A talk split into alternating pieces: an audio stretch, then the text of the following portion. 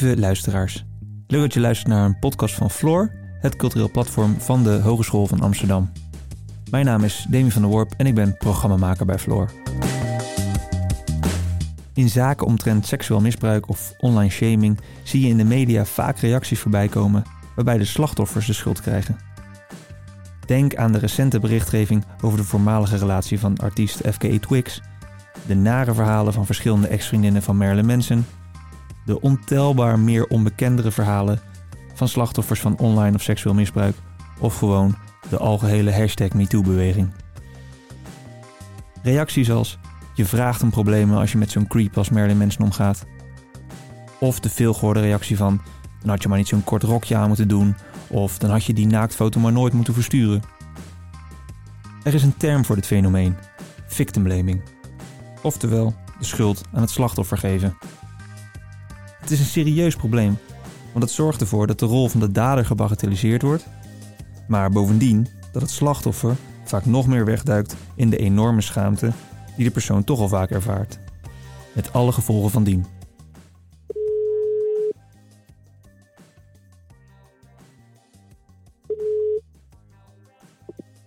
Hey, Nicky.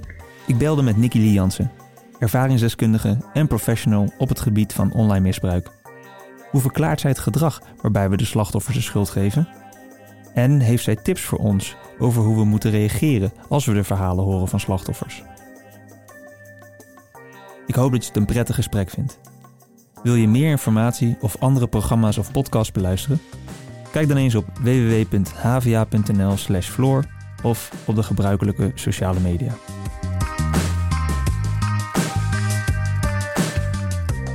Naam is Nikki, Nikki Lejansen. Ik, uh, ik ben inmiddels 30 jaar.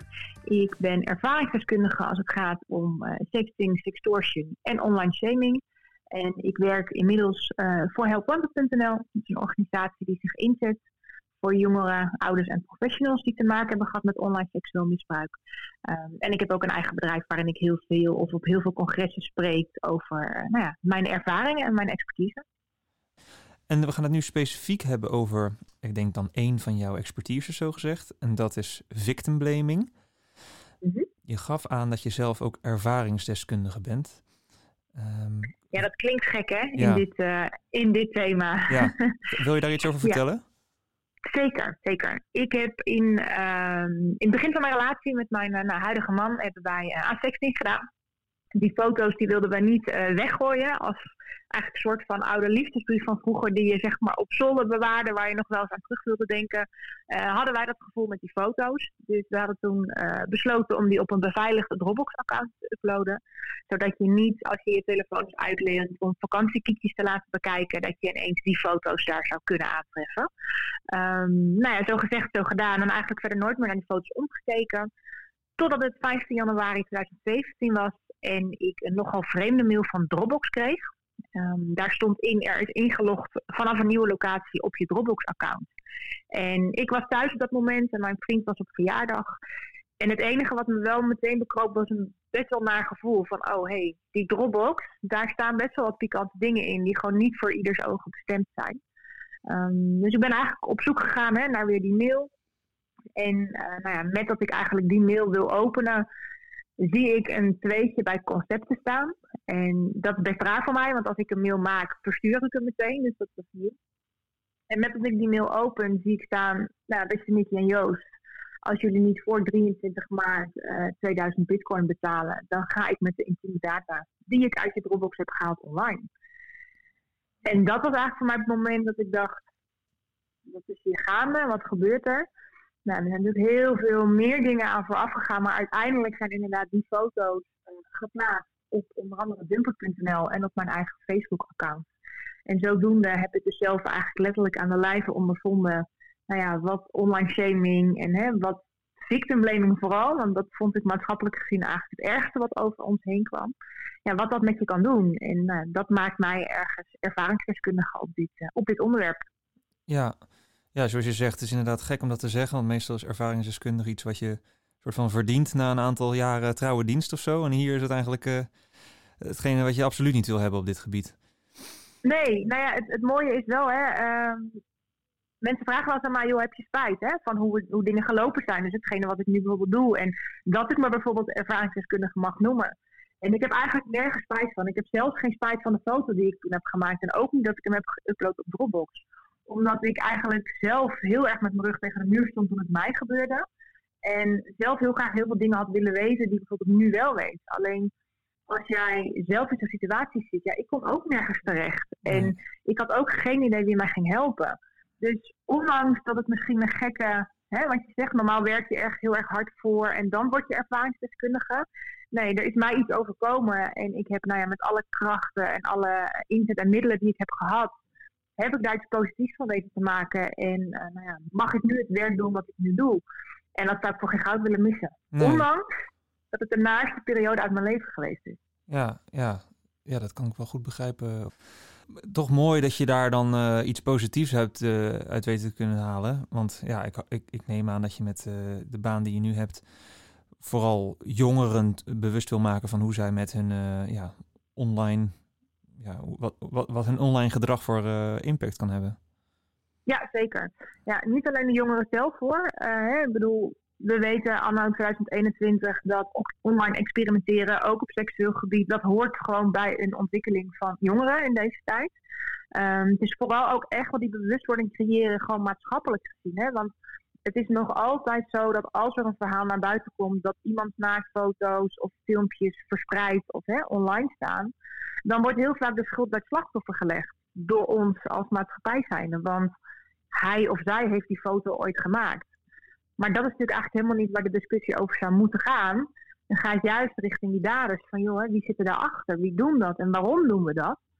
Uh, dus het is vooral jongeren hè, uh, inzicht geven in de online wereld. Brengt heel veel leuks.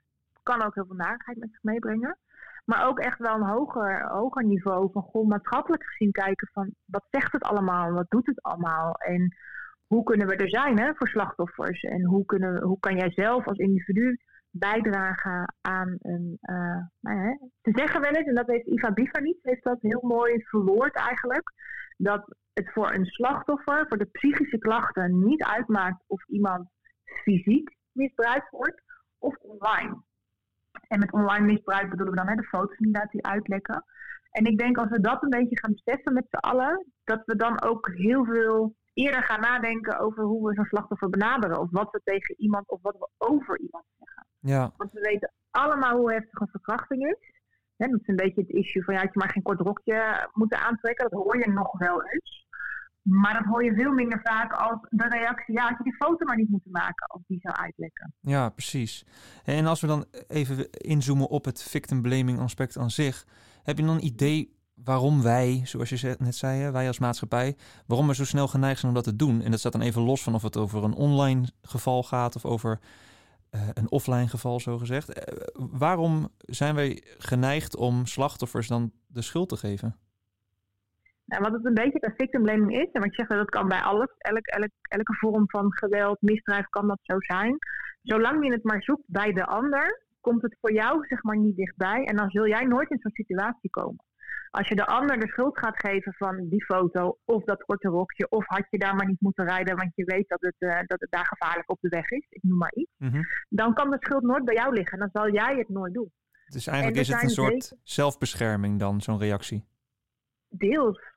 En ook omdat het heel makkelijk is, hè, want victim blaming dat vindt plaats, vooral plaats online, maar ook gewoon tegen anderen of over het slachtoffer, maar niet tegen het slachtoffer. Hè, het is heel makkelijk om maar klakkeloos de schuld bij die ander neer te leggen. Omdat je eigenlijk geen idee hebt wat er bijvoorbeeld aan vooraf gegaan is. Hè? Dat is een algemeen uh, iets en we hebben altijd onze mening klaar. Uh, maar zeker als het over victimblaming en dan vooral op het online, hè, op krantenartikels. Het maakt niet uit hoe heftig een artikel geweest is. Er zitten altijd nare reacties bij over of op het slachtoffer. Want we kunnen zo makkelijk alles maar zeggen en vinden, denken we in deze tijd. Ja, is victimblaming dan ook echt iets wat pas sinds de soort van de opkomst van het internet, zo gezegd? Uh, of hadden we het daarvoor ook al? Gebeurde het ook al? Ik denk dat het daarvoor ook al wel gebeurde, alleen in veel mindere mate. Zeker als het over online victimblaming gaat. Ja, het is zo makkelijk om even wat te typen, want het is maar op een social media account. Of het is maar op een krantenkop en het staat ver weg bij mij persoonlijk. Dus ik kan daar van alles over zeggen en vinden. En ik denk ook dat de snelheid hè, van het internet, dat dat ook wel meespeelt in uh, nou ja, hoe, groot, hoe groot de schade victimblaming eigenlijk kan aanrichten. Het is zo gedeeld, het is zo verspreid. En dat hadden we vroeger natuurlijk niet. Hè. Dan moest je fysiek bij wijze van spreken een krant halen. En ja, waar ging je dan iets of iemand iets naars over iemand zeggen? Ja, dat zei je dan tegen iemand die je tegenkwam of zo. Ja, um, en dat kan nu natuurlijk allemaal online. Ja. Dus het wordt eigenlijk een stuk makkelijker gemaakt om uh, gewoon je mening te ventileren. En uh, daar zitten dus ook een hoop ja, vervelende meningen zogezegd tussen. Zeker, zeker, ja. Hey, en um, wat zijn dan dingen die we, die we eigenlijk wel zouden moeten doen of wel of niet zeggen in zo'n geval? Ja, victimblaming kent natuurlijk eigenlijk weer twee kanten. Hè? Want je hebt inderdaad de mensen die gaan victimblamen en die dit echt heel bewust slachtoffer de schuld geven. En hè, jij bent stom geweest van. Maar je hebt ook natuurlijk mensen die, dat heet dan misschien niet officieel victimblaming, maar wel die weten wat er gaande is of weten wat voor situatie er speelt. Maar er bewust voor kiezen om dat onderwerp maar te vermijden of om er niks over te zeggen. En dat is eigenlijk voor slachtoffer ook heel erg heftig. Dat heb ik zelf ook ervaren, hè? want ik, ik woon in Medemblik, met zo'n nou ja, een klein stadje. Uh, iedereen weet ervan, alleen niemand praat er met jou persoonlijk over. Maar je hoort zeg maar wel via, via allerlei meningen. Dus mijn eerste advies is sowieso, praat er wel over. je merkt gauw genoeg of iemand dan aangeeft van nou ik wil het er liever niet over hebben. Dat is fijner voor het slachtoffer als het over koetjes en kalfjes hebben en het onderwerp maar in het midden te laten. Maar wel te horen dat er onderling wel over gesproken wordt dat is altijd hetgene wat ik zelf heel erg, heel erg adviseer aan anderen. Um, maar ook oordeel niet. Weet je, wat je er ook van vindt, hè, geef dat niet weer aan het slachtoffer. En dan zeg ik niet dat je maar moet gaan liegen. Maar wat heeft iemand eraan als jouw mening oprecht is? Had jij die foto maar niet moeten sturen? Om dat zo expliciet tegen diegene te benoemen. Want dan krijg je juist dat stukje slachtoffer. Ik ga me al schuldig voelen. Hè? Want schaamte op het hele online seksueel misbruik is al enorm. Hè, en als het dan verkeerd gaat, ja, hoe ga je dat dan vertellen? En dan hoeft er niet nog eens een keer met een vinger geweest te worden van ja, echt stom dat je dat hebt gedaan. Dus dat oordeel, probeer dat zoveel mogelijk achterwege te laten. Hè, en vraag ook echt aan diegene, joh, is er iets wat ik voor je kan doen? Of, of wat zou je fijn vinden dat ik voor je doe? Of hè, wil je het er gewoon überhaupt niet over hebben? Dat is wel echt het belangrijkste. Dus praten zonder te oordelen. Maar dat vinden we heel moeilijk. En dat is ook moeilijk. Maar ga maar eens proberen in een makkelijkere, een wat luchtigere situatie. Hoe snel we gewend zijn om, om onze mening, eigen mening eigenlijk al te ventileren en om daar toch enigszins al in te oordelen. Er is uitgesproken ook door Ivan Bievenich opnieuw dat het stukje victim blaming, dat zorgt eigenlijk voor een soort van second rape. Dat slachtoffers van dit soort onderwerpen eigenlijk het victim blaming soms nog als erger ervaren dan het fysieke of het online misbruik zelf van die foto die is uitgelekt. En dat herken ik wel, want ik weet ook nog, hè, natuurlijk vond ik het super naar en had het nooit een soort van publiekelijk bezit mogen worden, mijn intieme foto's die alleen voor de ogen van mijn vriend bedoeld waren. Maar dat dat in één keer op straat lag en dat iedereen daar maar wat van mocht vinden en de vinger naar mij wees dat ik de dader was, terwijl ik toch echt slachtoffer in deze zaak ben geweest en nog altijd zal blijven. Dat vond ik het ergste. Natuurlijk had ik het nooit gewild dat die foto voor iedereen zichtbaar was. Maar alle meningen en alle uh, nou ja, shit die je eigenlijk over je heen krijgt en de, de, wijzende vingers naar jou als persoon. Ja, dat heeft mij heel veel meer gedaan dan uiteindelijk die hack, zeg maar. Ja. Hey, en uiteindelijk is mijn dader gevonden. Daar heb ik anderhalf jaar van moeten vechten en moeten strijden met Peter de Vries, een advocaat en een privédetective. En toen pas, toen je dus inderdaad zag, hè, er is een verdachte aangehouden op, op de nieuwsberichten, vooral op social media. Eerst was het vooral mijn verhaal natuurlijk wat naar buiten kwam. Nou, dat was eigenlijk alleen maar negatieve reacties, want hoezo moest ik hiermee de media opzoeken? Nou, toen was de verdachte gevonden. Toen werd eigenlijk elk negatief commentaar door iemand anders, die ik helemaal niet ken, omgebogen naar iets positiefs en gezegd van joh, maar wie ben jij om zo te oordelen? En letterlijk toen de uitspraak van mijn zaak uh, het internet en medialand doorging, toen was er geen enkel negatief commentaar meer van niemand. Toen was ik in één keer dat meisje en allemaal hulde voor Nikki, want ze heeft dit maar wel geflikt.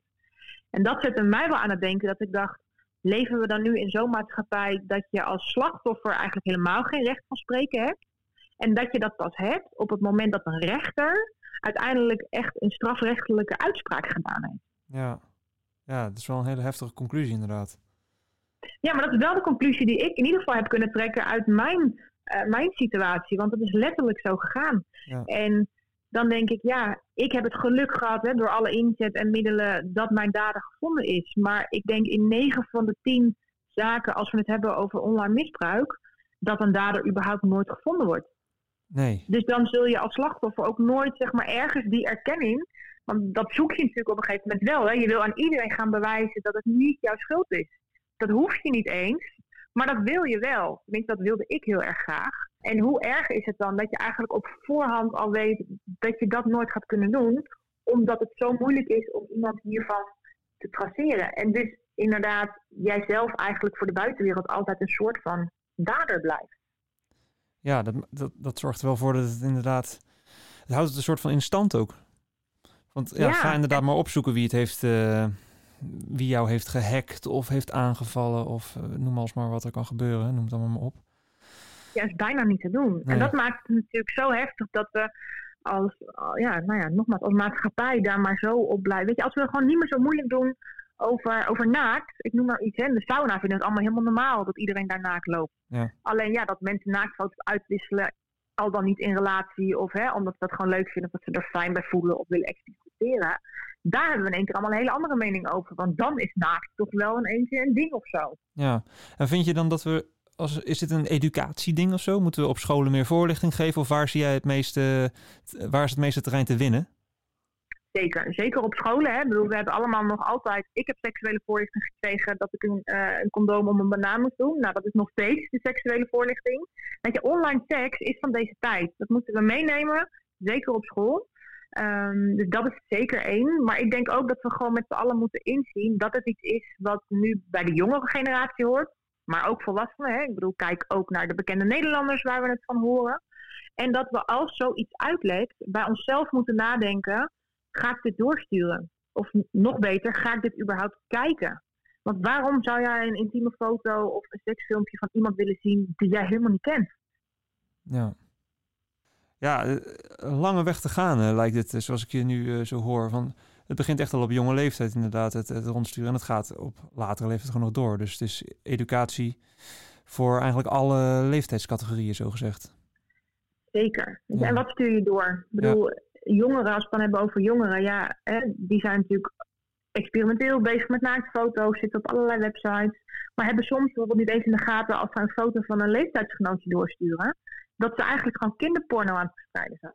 Ja, ja heel heftig. En als je in die termen gaat praten en ze dat gaat bijbrengen, ja, dan wordt er wel anders naar gekeken. En dat is een hele lange weg te gaan hoor. Dat ben ik met je eens in 2017 ben ik een soort van begonnen met mijn strijd hè, om, om het bespreekbaarder te maken in ieder geval. Maar dat is een hele slag geslagen. Maar goed, we zijn inderdaad vier jaar verder en het is nog steeds een maatschappelijk ding. En ik heb ook niet de veronderstelling dat dat over een jaar er niet meer is. Ik bedoel, dit zal blijven. Um, alleen als, is het maar in mindere mate. Hè, en al denken we maar een keer extra na over een nare opmerking. Of inderdaad iets doorsturen of liken. Ik bedoel, wat zou een like voor een effect hebben? Hè? Denk je vaak van ja, als ik op vind ik leuk klik, ja, wat doet dat dan? Maar goed, als iedereen dat doet en het is iets wat je gewoon nooit online hebt willen hebben, scheelt het er toch weer één. Ja, ja. Hey, ik ben benieuwd, is er een verschil in, uh, in gender of seksuele geaardheid uh, op dit thema? En dan bedoel ik hem eigenlijk twee, twee kanten op. Van wordt er anders gereageerd op slachtoffers en ook door? Zit er een verschil in, weet je dat? Nou, ik weet wel, en dat is puur vanuit het werk gezien bij Help Wanted, hè, als, als soort van uh, status zijn het eigenlijk vooral de jongens die de foto's van de meisjes doorsturen. Hè? Dat is wat we allemaal denken en wat we vinden. Dat hetzelfde als dat een jongen zoveel meisjes gehad heeft, dan is die stoer. En als het meisje dat gedaan heeft bij jongens, dan is het boer. Die uitspraak kennen we allemaal. Ja. En, maar dat is zeker aan de hand als het gaat om, uh, om victim blamen. Weet je, jongens ja, als een jongen in één keer slachtoffer wordt van afpersing met naaktfoto, dan heeft hij het nog moeilijker om daarmee naar buiten te treden. Want het beeld wat wij hebben is dat hij juist de zaakjes dader zou moeten zijn en geen slachtoffer. Dus daar ligt het verschil wel echt, echt heel erg groot. het is voor hun nog moeilijker om hulp te zoeken en hè, hoe ga je daarmee om. Ehm, maar als je dan over victim blaming hebt, ja, weet je, dat doen we allemaal. Dus niet dat daar een bepaalde groep hoger of, of lager in naar voren komt. Ehm, hoe dat dan weer zit met seksualiteit, hè? inderdaad wat je zegt, transgender, homo, biseksueel, dat durf ik niet te zeggen. Um, dat is ook lastig in kaart te brengen natuurlijk, hè? want in hoeverre weet je dat? Hoe, hoe weet je als het op online gaat bijvoorbeeld, ja, wat, wat iemands geaardheid bijvoorbeeld is? Ja, ja, zeker. Nee, het zou kunnen dat er misschien onderzoek naar gedaan is en dat jij daar, uh, dat er misschien verschillende modellen voor zijn of uh, educatietrajecten. Nee. Uh, nou, volgens mij hebben we eigenlijk al best wel veel uh, behandeld. ik heb in ieder geval wel een duidelijker beeld gekregen over wat de term victim blaming nou eigenlijk zoal inhoudt en wat je er zelf aan kan doen om te voorkomen. En ook als je een slachtoffer ziet of spreekt, wat je dan wel of niet moet doen. Mm -hmm. Heb jij nog concrete tips voor, voor slachtoffers? Waar, eh, ze kunnen zich volgens mij sowieso op, uh, op jouw website melden, hè? of op waar je werkt. En dat is helpwanted.nl. Ja. Uh, ja, daar kunnen ze sowieso terecht. Uh, en wat, wat het allerbelangrijkste is, jij bent een slachtoffer. Hè? Of je het nou wil of niet. Ik vond slachtoffer een heel naar woord, maar goed, dat ben je wel in zo'n situatie. Ehm, en weet dat het nooit je eigen schuld is. Praat erover. Zoek iemand, neem iemand in vertrouwen waarmee je erover kan en over wil praten. En op het moment dat iemand bij jou komt en die zegt, ja, had je maar niet zo stom moeten zijn om, wat de reden dan ook is, of het die naaktfoto is, of omdat je te hard gereden hebt, of ik noem maar iets anders. Je, ga, je mag best het gesprek aangaan en je mag ook best wel van je afbijten door te zeggen, ja, maar ik ben, da ik ben geen dader, ik ben slachtoffer. Er is iets overkomen, dat heb ik nooit gewild. Dus dat is altijd een heel erg belangrijke.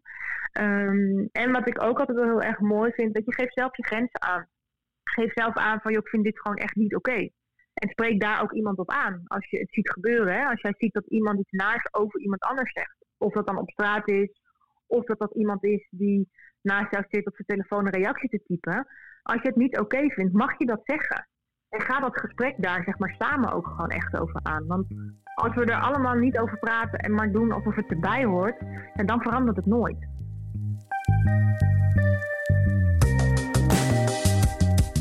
Dankjewel voor het luisteren. Vond je dit een leuke podcast?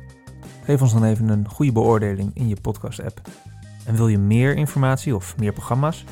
Ga dan naar havia.nl/slash floor of zoek ons op op Facebook, Instagram, Twitter. Je kent ze allemaal wel. Floor Havia. Dankjewel en tot een volgende keer.